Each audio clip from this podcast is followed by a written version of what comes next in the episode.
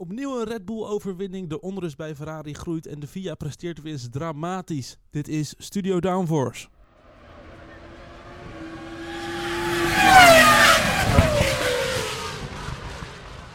Ja, hallo allemaal en wat leuk dat je luistert naar een nieuwe aflevering van Studio Downforce. Aflevering 5 van seizoen 2 hebben we vandaag, waarin we gaan terugblikken op de Grand Prix van Saudi-Arabië. Dat doe ik niet alleen, dat doe ik als eerste, als, als, als allereerste samen met Lies. Hi Bram, alles goed met jou? Hallo. ja, zeker. ja, het is ook mijn avond. Ja. Goed, en ook met Elias. Hallo Bram en hallo Lies.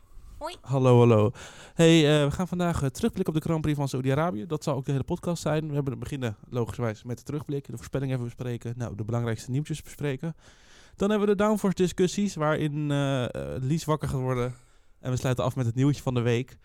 Ehm, ik heb twee dingen. Elias, waar kunnen mensen ons op volgen? Allereerst kunnen jullie ons natuurlijk vinden op onze social media kanalen. We hebben Facebook, LinkedIn, Twitter en Instagram. Daar kun je ons volgen op studio.downforce. We delen daar onze voorspellingen en previews voor nieuwe afleveringen. En je kunt ons ook volgen op Spotify en zo mis je nooit meer een aflevering van Studio Downforce. Dus zeker doen. En zo is dat. En dan Lies, hoe was de Grand Prix van Abu Dhabi? Oh ik heb een heel weekend heb ik wakker gelegen over hoe ik dit goed ging lullen. En na, toen het weekend vorderde, toen bedacht ik me opeens dat ik nog steeds gewoon achter mijn standpunt sta. Dus ik had gewoon mijn bek moeten houden. En dan was ik ermee weggekomen. Ja, voor alle voor de duidelijkheid, in de vorige podcast hebben wij de discussie gehad of het, eh, of het circuit van Saudi-Arabië in Jeddah veilig is. En na opnames bleek dat Lies dacht dat we, hadden, het- dat we het hadden over het eh, Abu Dhabi circuit in Ja, Yas Marina. ja. Terwijl wij het tot echt, echt hadden over het straatcircuit waar de muren naast de baan staan. Ja, ik wist dus, dus gewoon met die kennis is het ook zeker waard om... Het is toch zeker waard om even de aflevering terug te luisteren, in ieder geval het moment. Doe maar niet. Met, de, met nu de voorkennis Doe dat Lies niet. het over een heel ander circuit had. En ook de disclaimer van Lies. gaan we- hè? ja, gaan we nu beginnen met de terugblik.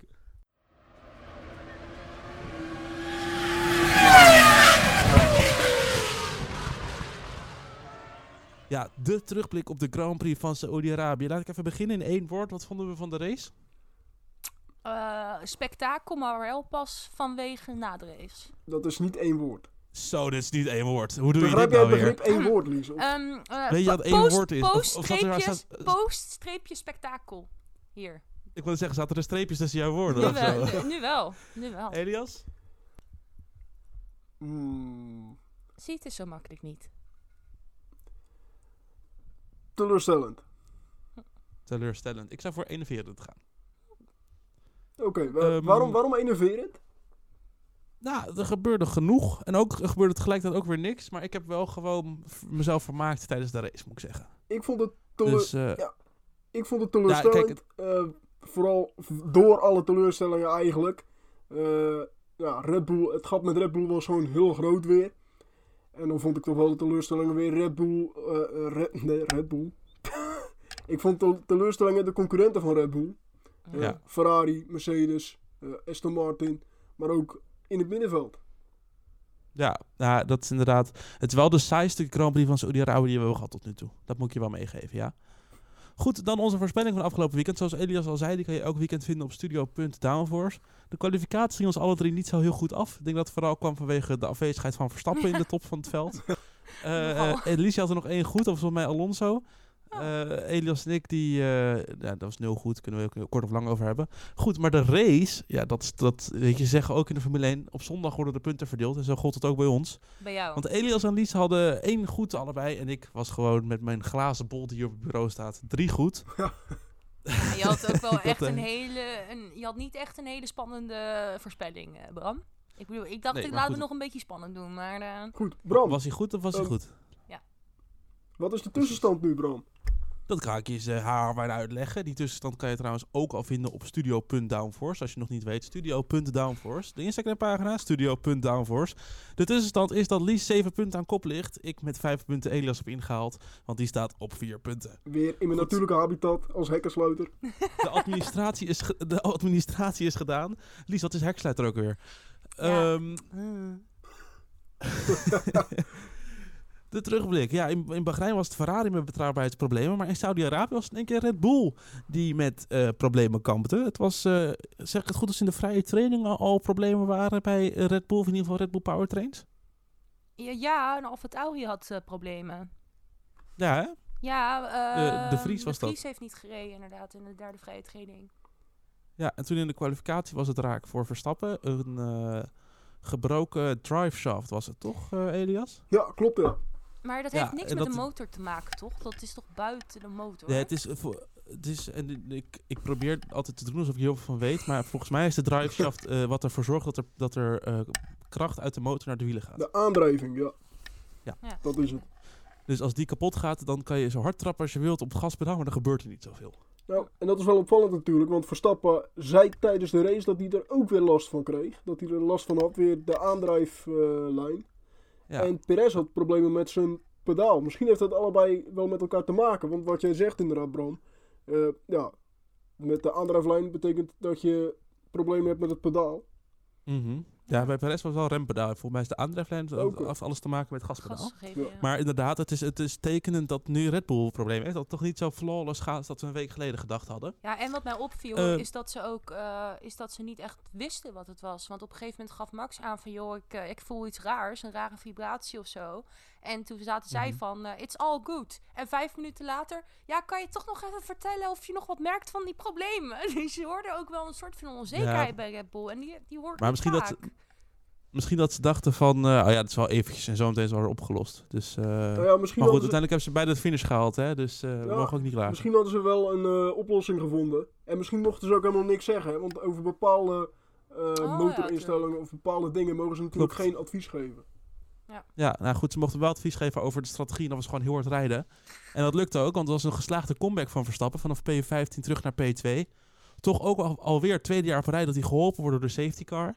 Eh, de Ferraris die vorig jaar in 2022 ook wel van konden profiteren, hadden nu echt wel gewoon pech en vielen daardoor terug. Maar Ehm, Perez niet, hè? Want Perez eh, werd ja, eindelijk een keer dat Perez niet geneukt wordt door een eh, safety car.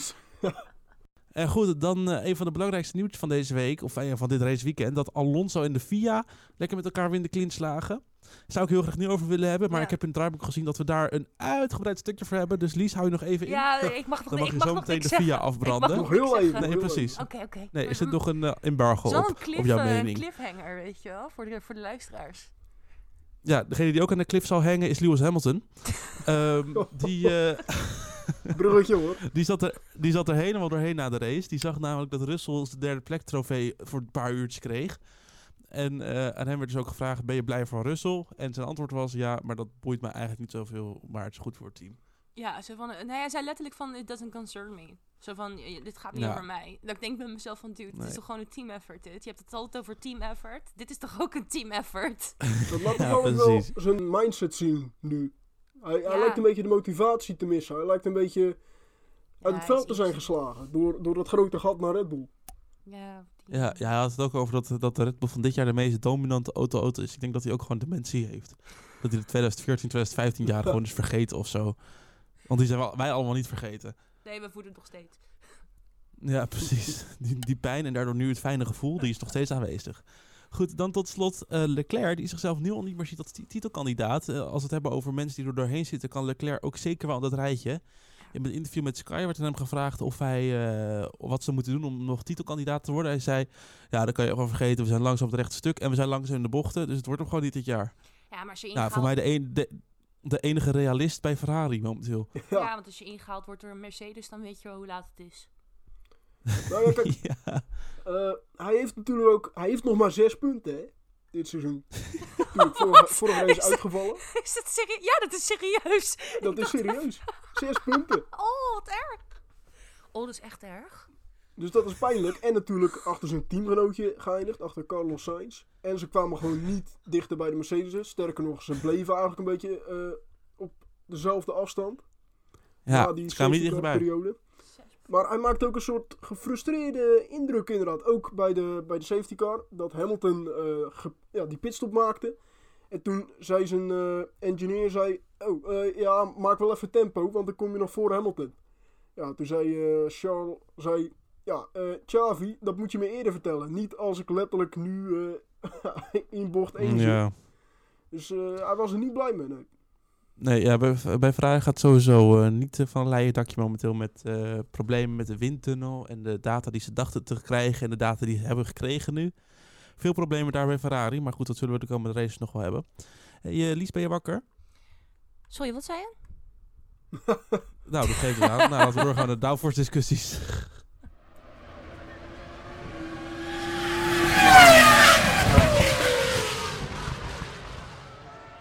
Ja, want in de downforce discussies gaan wij de dingen bespreken waar wij alle drie een hele sterke mening over hebben. Dus vanaf nu gaan we lekker met modder gooien naar elkaar en eh, gaan we ook een beetje de geruchten bespreken die er spelen. Ehm, de eerste stelling die ik heb is dat eh, Fernando Alonso de race in Saudi-Arabië had kunnen winnen. Eens. Oneens. Oneens.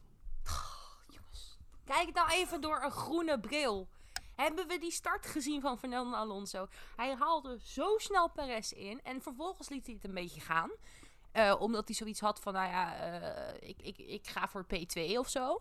Terwijl ik bij mezelf denk, onzin. Zo zonde, zo zonde. Want zodra hij, zeg maar, Perez weer een beetje voorbij liet gaan... bleef hij iets van 10 tot 12 rondes bleef hij gewoon binnen DRS-zone zitten. Ik denk Lies. echt oprecht, Fernando Alonso had die race kunnen winnen. Ik zweer het je. Lies, Ja, 20 seconden. 20 seconden wat? Het gat met Perez en Alonso, 20 seconden. Ja, uiteindelijk ja, maar dat had andersom kunnen zijn dus. Na de safety car periode, hè, in de laatste Na de safety car periode van de periode. race, zijn ze in één Ja. keer hop weggereden. Dat is gewoon bijna een seconde sneller per rondje. Ja, omdat vanwege die mindset, Bram. Flikker op, Het het is is niet waar. mindset. Die Aston Martin is Hij te kon- langzaam hij voor kon- Red waarom kon hij dan 10 rondes binnen DRS-zone blijven? Als die Aston Martin Door de niet DRS die daar zo fucking sterk is. Lies, Nou ja, onze- nee, want je zit ook in vieze lucht, dus dat is ook bullshit. Lies, Ja, Elias, ja, vertel. kijk, Fernando had inderdaad een wereldstart. Echt, het was weer de Alonso als van ouds waar we jarenlang van hebben kunnen genieten toen hij wel een winnende auto had. Maar even, die startpositie. Even, als ik, hem- als ik mijn auto zo neerzet, dan krijg ik een bon hey, voor dat mocht ik niet parkeren. noemen van Bram. Dat is niet eerlijk. Ik mocht een woord niet noemen. En dat was namelijk... Nee, niet, eh, wel. d- Nee, ik, Oh, ik heb, nee, maar niet- dat vind ik ik heb het niet over die straf gehad. Ik heb het nu over hoe die. eh, je hebt het over de positie. Dat is dus hoe, waarom die... Nou, Bram, zeg je er nou iets van? Bram, De volgende stelling. Eh, jongens, ik vind, eh, ik vind het echt heel rommelig worden nu. De volgende stelling. Ehm, de rookies, Nick de Vries en Oscar Piastri, hebben foute keuzes gemaakt. Eens. Oneens. half eens. Half eens. Ja, ik ben Dat met is één van de nieuw. twee eens en met van de ander niet. Dat is nieuw. Sorry. Ja, moet ik het toelichten? Zal ik het even toelichten? Doe maar. Ik eh, wil het wel even toelichten. Ik denk dat Oscar Piastri een verkeerde keuze heeft gemaakt. Omdat als je nu kijkt hoe hard die Alpine gaat, denk ik dat hij liever eh, in een stoeltje eh, van Gasly had gezeten. En Nick de Vries, ja, Nick de Vries die moet er lang blij zijn dat hij een plekje heeft in de Formule 1. eh, ondanks dat het in de skelter is. Dus half eens. Nee, ik, Ja. ik ben het eh, eens met de stelling. Piastri, ja, die had inderdaad, wat Lies zegt, die had beter bij Alpine kunnen blijven. Al was het alleen maar om zijn loyaliteit te laten zien. Ja, dat ook. Door zijn keuze voor McLaren. Ja, laat dat toch wel zien van, oké, weet je, als ik ergens een betere plek kan hebben, dan pak ik die gewoon. En dan boeit het me niet bij welk team ik heb gereden, voor hoe lang, eh, voor hoeveel jaar het ook was en hoeveel ze ook voor me hebben betekend. Dus Hoeveel dat is wel geld- een fout van hem, denk ik. Dat andere teams misschien toch ook wel denken van, nou, hmm, als ik hem nu binnen, ja, als ik hem nu binnenhengel, dan eh, is hij misschien binnen een jaar weer weg, omdat hij ergens beter kan rijden. Eh, en je ziet het inderdaad ook, McLaren heeft toch eh, veel problemen. Die, die opmars van de afgelopen jaren, die is toch wel flink, flink ja, vertraagd eigenlijk. En misschien zijn ze zelfs achteruit gegaan de afgelopen twee jaar. En ja, Nick, in mijn ogen had hij beter voor Williams kunnen gaan. Eh, want Alfa Tauri, dat staat natuurlijk bekend als junior team van Red Bull. Dus als ze een goede rookie hebben uit de Formule 2 bijvoorbeeld, eh, die indruk maakt, dan denk ik dat Nick zomaar zijn eh, stoeltje kwijt is daar. En misschien Tsunoda ook wel. Maar ik denk dat hij dan bij bijvoorbeeld Williams meer tijd had gehad en ook ja, toch in rustiger vaarwater had ge- ge- ge- ja, gezeten. Dat ze meer vertrouwen in hem hadden gehad. Eh, ik denk dat hij daar beter had gepast. Want je ziet het nu ook bij Logan Sargent. Die doet het prima als rookie daar. Ja, en er zijn ook weinig verwachtingen vanuit Sargent. Precies. Ik denk dat, eh, dat dat nu bij de Vries en Piastri beide wel is. En dat is, dan is het toch nu dat ze als enige twee coureurs, dat hun teams, van, eh, hun teams allebei nog op nul punten staan, is toch pijnlijk. Plus met die Williams kun je ook wel vechten, hè, want die heeft tenminste de snelheid op de rechte stukken. Dan de laatste stelling. Red Bull moet ingrijpen om een clash tussen Ver- Verstappen en Perez te voorkomen. Eens. Ehm, Meer dan eens. eh, oneens. Ik denk dat je daar als team, ja, je, kan- je kan je best doen om zulke dingen te voorkomen. Maar dat gaat toch wel gebeuren als je met, z'n- met twee coureurs maar om de wereldtitel strijdt. En als diegene ook nog je teamgenoot is, ja, dan worden die relaties onderling gewoon altijd minder. Je hebt het gezien bij Mercedes in 2014 toen.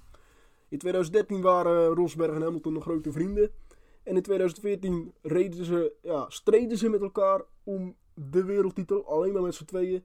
En toen was het gelijk heel, helemaal het vertrouwen weg. Het de onderlinge band bestond niet meer en ze waren bijna aardsvijanden. Ja. Nee, ik ben het eens mee. Ik, ik eh, irriteer me, moet ik zeggen, een beetje aan eh, de familie Verstappen. Ah, Jos wel, ja. ja 24 Jos uur. vond ik echt wel, die had... Zo, Zo, wat een zaggerijnige kop, man. Echt, dat is nog erger dan ik op de maandagochtend. ja, nee, die, eh, die foto gaat, die gaat er internet wel over. Dat hij daar staat terwijl Perez met iedereen een Red Bull aan het feestvieren is. Dat hij er middenin staat. Alsof het juist te horen heeft gekregen dat zijn hele familie is overleden. maar eh, waar het ook om gaat, dat Verstappen dus, nou ja, het teambelang negeerde om voor de snelste raceronde te gaan. Die op naam van Perez al stond. Dus het was niet alsof er gevaar was vanuit een ander team. Eh, en daarmee dus de leiding in het kampioenschap hield met één punt. Ik vind het een beetje mierenneuken van Verstappen. Want ik denk dat hij zelf heel goed weet dat hij, als het, erop gaat, als het echt erop aankomt, dat hij Perez helemaal vierkant rijdt. En dan zou ik denken van, ja, laat even spelen met mijn eten. eh, geef Perez maar even voor, een, eh, voor een, twee weken die eh, leiding in de wereldtitel. Dan pak ik hem weer over. Dan rijd ik even iedereen helemaal het snot voor de ogen voor drie races. Is het verschil 100 punten met de rest. En dan word ik in Japan wereldkampioen. en dit is dus echt deze... Ik denk dus echt dat deze manier van denken is precies de reden dat jij geen wereldkampioen bent. Nee, maar ik claim ook geen wereldkampioen te nee, zijn. maar dat, dat, dat is het. Ik bedoel, ik vind zelf, ja, Rappel moet ingrijpen eh, om een clash te voorkomen. Want het zijn echt twee haantjes te voorsten. Dus die gaan, die gaan strijden. En dat zag je gisteren al om één fucking punt. Ehm, en Verstappen heeft niet per se de teamorders genegeerd. Want hij vroeg naar de snelste raceronde. En maar heb ik ook niet gezegd, hè? Nee, oké, fair. Het Sorry. teambelang. Het team, nou ja, ook het teambelang vind ik dan nog discutabel. Want hij vroeg naar de snelste raceronde. En het enige wat het team zei van, it doesn't concern us right now. Nee, maar kom, kom op. E- Het team, even heeft serieus. wel, het team heeft wel Perez genaaid door tegen Perez te zeggen dat hij eh, bepaalde, wat was het nou, zoveelste moest rijden. Terwijl eh, Verstappen een seconde of zo sneller was per ronde. Ja, ze je zeiden natuurlijk ook van, ja, eh, probeer deze en deze rondetijd te targeten. Ja. Dus hou je niet sneller dan dit. En volgens mij negeerden ze dat allebei ook wel een beetje. Maar Ja, dus- wat ik wil Maar zeggen het is geeft ook- toch aan hoe weinig dat vertrouwen is bij Red Bull, bij die coureurs. ja, gewoon, nee, maar het Daar zit wantrouwen. toch ja. fundamenteel dan iets mis? Nou ja, dat denk ik inderdaad wel. Want Perez heeft hierna ook gelijk aangegeven dat er een soort van investigation moet komen. Hoe het kon dat Verstappen uiteindelijk toch die snelste ronde heeft gereden. Ja, Dus omdat het ze gewoon allebei de radio eruit trekken. Ja, er zit... Nee, maar tuurlijk. maar dan, gaat- dat is dat toch het hele probleem ook? Nee, maar Ja, maar je moet Ik- weten waar je staat. En als Perez zijn, snap- hij moet gewoon als tweede mannetje staan. Klaar. kijk, ik snap dat jullie het over teambelangen hebben inderdaad. En voor een team als Red Bull is het belangrijk om een beetje die goede sfeer te houden. Maar kom op jongens. Op het eind van de dag, je zit in de Formule 1 voor jezelf. Niet voor het teambelang. Je wil winnen. En Perez ook. Hij, hij heeft een auto waarmee hij wereldkampioen kan worden. Die kans gaat hij misschien never, nooit meer krijgen. Die had hij eigenlijk misschien niet eens gehad als Red Bull hem niet had opgepikt in, eh, twee, aan het einde van 2020.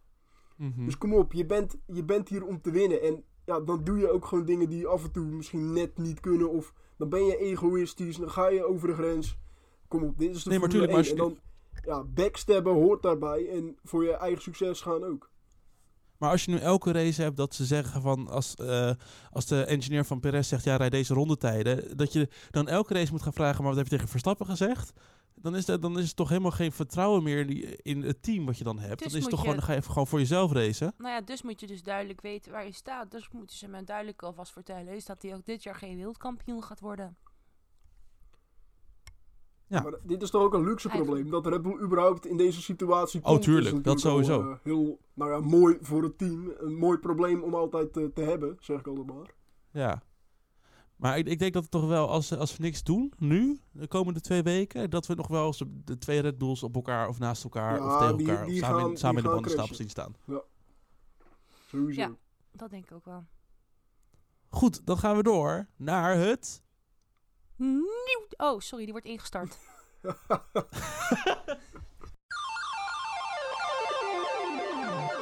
Het nieuwtje van de week, week, week. Ja, dankjewel Lies voor het beginnen van deze rubriek. Inderdaad, nieuwtje van de week. Ehm, wil je hem zelf gewoon aankondigen, Lies? Ja, de aankondiging is toch net al geweest, of niet? Nee, maar wat het is. Oh, het nieuwtje van de week. Nou, in dit geval is het nieuwtje van de week eigenlijk meer de... Ja, het nieuwtje van de week kan je eigenlijk niet noemen. Het is meer het, het, het, het- het drama van de week. De chaos van de week. De maffia van de week. Want we gaan het natuurlijk hebben over de, de, de straf van Alonso.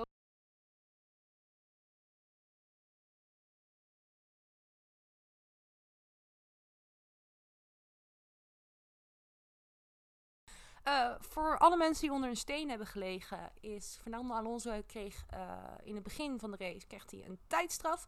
Want zijn auto stond niet goed in het vakje. Daar hebben wij regels voor. Eh, hij stond namelijk iets te veel links van het vakje.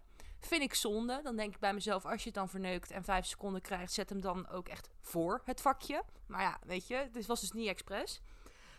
En die penalty die heeft hij vervolgens ingewisseld tijdens de safety car toen was in eerste instantie was, ging de vraag rond op Twitter van joh, mag dat wel? Mag je wel een penalty inlossen tijdens de safety car? Ja, dat mag. Dat staat in de reglementen.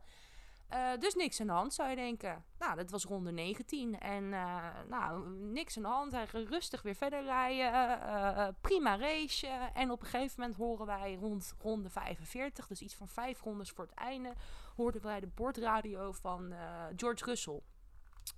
Waarin de engineer zei van, joh, eh, kijk even of je dat gat eh, eh, binnen de vijf seconden kan houden. Want wij denken dat er wellicht nog een penalty aan zit te komen van Alonso. En dat was heel gek, want dat wisten wij allemaal niet. Niemand wist dat niet. Het was niet onder een een inve- investigation, helemaal niks. Die race eindigt. Alonso eindigt op P3. Alonso stapt op het podium. Alonso neemt zijn eerste slok champagne. En op het moment dat hij dat eerste slokje champagne neemt, gooit de FIA er een, investigation achter. Dat mag, want ze hebben minimaal 35 rondes om te beslissen if a driver should be penalized. En het was ronde 19. En eh, ja, de, de race duurde 50 rondes. Maar ik kan je heel eerlijk vertellen, is, eh, het zou er nog om gaan. Want ik moet, sorry, ik ben even met mijn woede, dus ben ik helemaal de draad van het verhaal kwijt. Ehm, waar het op zou gaan, is dat hij tijdens die vijf seconden die hij heeft stilgestaan, zou eh, de jack achter zou de auto hebben aangeraakt. En er was een handje van een, eh, van een eh, engineer waarvan ze dachten van die heeft hem wellicht die auto aangeraakt. Dus hij was na de race, tijdens de podiumceremonie, was hij under investigation voordat hij die straf niet, heeft goed uit, niet goed heeft uitgevoerd. En als jij die straf niet goed uitvoert, kost dat je 10 seconden. Nou ja, en eh, vervolgens duurde het niet heel erg lang. Ik denk dat hij nog, net van het podium afkwam.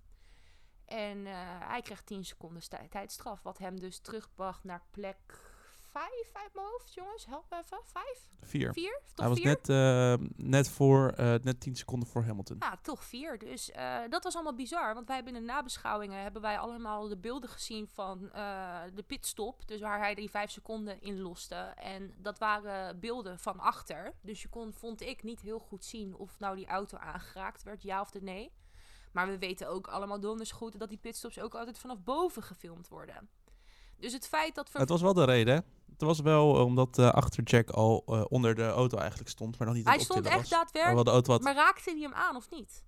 Ja, ja, hij zat eronder. Hij moet alleen nog omhoog geklikt worden. Maar juist omdat hij er al tegenaan staat, ehm, was het wat niet mag. Want volgens de regels mag je de auto niet aanraken in die vijf seconden dat je de tijdstraf int. Nou, dus je zou denken, oké, ja, eind goed, al goed. Nou ja, ik ben altijd iemand die na eh, zo'n race waarvan je denkt, mwah, Via, die zou nog wel iets kunnen gaan doen. Dan ben ik altijd iemand die vervolgens vier tot vijf uur lang mijn Twitter aan het refreshen is. En eh vijf voor Mhm. elf s'avonds, eh echt zo'n twintig minuten nadat ze het officiële document van de straf naar buiten hebben gebracht, komt naar buiten is dat ze die straf weer gaan terugdraaien. Ja. En waarom? Eh, eh, serieus, eh, ik heb geen flauw idee, Bram. Please, please help me out Volgens mij eh Ja. eh, voorbeelden uit het verleden. Ja, En dat was, ehm, en dat was ehm, volgens de VIA, want het is natuurlijk dat hij als hij strafgegeven is, dan moet je met nieuw bewijs komen ehm, dat er een protest aangetekend moet worden tegen de straf. dus wat hebben ze gedaan? En dat is, ja, omdat dus ehm, duidelijk was geworden dat de auto aanraken met de krik, want dat is natuurlijk wat dat ding is, dat je dat niet Ja. werk aan de auto is.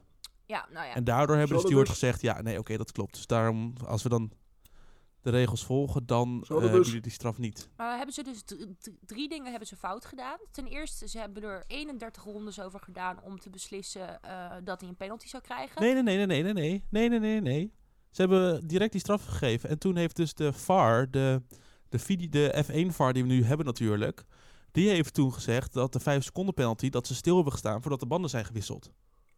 Ja, maar, Maar toen is vlak voor het eind van de race is er een, een ander Formule 1 team geweest die heeft gezegd, maar wacht even, die krik zat onder de auto, is dat niet werken met... maar hoe kan dit eh, allemaal werk gebeuren zonder auto. dat wij dit als kijker in beeld zien? Want normaal krijg je toch een, een investigation Omdat wij geen, zien. cont om- we hebben, wij hebben geen contact meer. De, wij hebben niet meer de teamradio tussen Ja. de VIA en de Oh, teams. ja. Dan hadden we waarschijnlijk wel gehoord I dat het een, van de teams zijn. Maar wacht even, is het niet zo dat de krik onder de auto zat? ja, die kon een podium winnen. Mercedes, ja.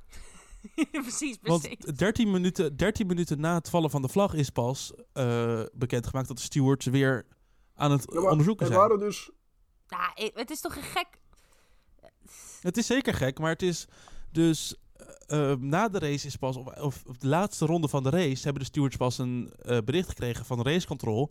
Dat de racecontrol denkt dat de 5 seconden straf niet op de goede manier eh, ge- uitgewisseld En is. is Aston Martin dan wel meegenomen in deze discussie? Of hebben ze het allemaal achter Aston Martins eh, rug om gedaan, zeg maar? Het eh, onderzoek als het gaat in principe altijd door, door- met de stewards. Waarschijnlijk is Aston Martin op het hoogte gesteld dat het onderzoek loopt. Ja, precies. Dus Maar moet- ze zullen, geniet, ze zullen niet om advies gevraagd hebben, want anders zou het dus zijn investigated maar after the race. dus Ik vind het een hele gek... Sorry, Ze ga, hebben dus ga maar, ga zeven andere voorbeelden van eerdere, ja, ge- ge- ja, eerdere gelijkwaardige, gelijkwaardige situaties. Hebben ze Ja. aangeleverd als bewijs. Dus Mhm. zeven andere keren dat zoiets is gebeurd. Eh, maar dat had ook te maken met de, de, voor, de front jack noemen ze het dan. Dus de voorste krik in plaats van de achterste krik. En het ging nu om de achterste krik. Maar de voorste krik wordt natuurlijk ook gebruikt om de ja, auto eh, op, de, op de juiste plek te krijgen bij de pitstop. Ja. Dus, ehm, en daardoor heeft de VIA gezegd dat eh, die beelden, dat is genoeg om dus de straf heroverwegen. En dus de stewards hebben daar weer gezegd dat het he- nieuwe informatie is en dat er geen, eh, dat er geen duidelijk argument was tegen het feit dat de, een krik tegen de auto aan onderdeel is van werk aan de auto. En dat daarom is de beslissing terug is gedraaid. Zou het niet een heel gek idee zijn... eh, of, ja, om eh, de podiumceremonies uit te stellen totdat we zeker zijn van de top 3? Nee. Ja, dat vind ik een gek idee. Nou ja, stel als George Russell had hem uiteindelijk wel gekregen, dan mis je je podium. Vind ik toch lullig. Ja, maar uiteindelijk, uiteindelijk had Russell niet gekregen. Nee, nee, klopt. Maar er dus gaan echt nog wel situaties voorkomen waarin het eh, weer omgedraaid wordt. Verleden eh, al kun je ja, gebeurd. zeggen, oké, wacht, we gaan even... eh, we gaan even heel de race nog even terugkijken. Dan pas is de podiumceremonie. Dus eerst anderhalf uur nog ja, even die race ja, want- terugkijken. Hallo, George Russell die zat dan in zijn privévliegtuig met de trofee richting, eh, richting Engeland hoor. En dan zit Fernando Alonso, zit hij te wachten op zijn trofeetje. Moeten ze hem weer gaan opsturen en zo, allemaal gedoe. Gelukkig zit Silverstone en eh Brackley dicht bij Ja, elkaar. eh, dat is alsof fijn. ze hun eigen trofee meenemen. Maar alsnog, weet je wel, gewoon voor het idee. Ik Goed, vind volgens het mij kunnen we hier nog uren over doorpraten. idee. Ja, om, dit af, om, dit af, om dit af te sluiten, de VIA heeft eh, bekendgemaakt dat ze de eh, regels gaan heroverwegen. Dat ze gaan kijken, dat is dat, eh, wat de Aston Martin heeft gedaan met het terughalen van, voor, eh, van eh, vorige keren. Dat dus eh, eigenlijk een beetje pijnlijk bekend is, pijnlijk duidelijk is geworden dat dus de regels eigenlijk niet kloppen. Trouwens, wat zal eh, eh, Esteban Ocon nu balen? Want dat was natuurlijk eh, bij hem de vorige keer een probleem. Ja. Dus eh, de VIA die gaat nu op 23 maart, dat de podcast uitkomt is dat morgen, donderdag 23 maart, zullen ze het erover gaan hebben. En dan eh, wordt er duidelijkheid verwacht voor de Grand Prix van Australië. Hmm. Nou, in ieder geval zijn ze duidelijk over wat ze nu gaan doen, maar fijn is het niet. Nee, ik, eh, ik snap het nog steeds niet. Maar ja, dit eh, Goed, maar dit kan op het lijstje van eerste fiasco's van 2023, dus dat is ook is fijn. toch wel weer sneller dan verwacht. Precies. Elias, voordat ik de podcast ga afsluiten. Ja, waar als je kunnen dat mensen nog ons niet volgen? gedaan hebt, vergeet ons niet te volgen op onze sociale media kanalen. We hebben Facebook voor de boomers, LinkedIn voor de stagiaires eh, en Twitter en Instagram voor de jeugd van tegenwoordig. Volgen en delen wordt eh, erg gewaardeerd door ons eh, alle drie. En zo is dat. Volgende week zijn we weer terug. Dan blikken we vooruit op de hele vroege Grand Prix van Australië. Eh, dat wordt eh, vroeg ons mandje uit voor de eerste vrije training op eh, vrijdag. Ik zag al half vier. Mm. Ehm, en de race lekker om 7 uur 's ochtends. Ook heel leuk. Goed, wij zijn de volgende week weer. Tot dan.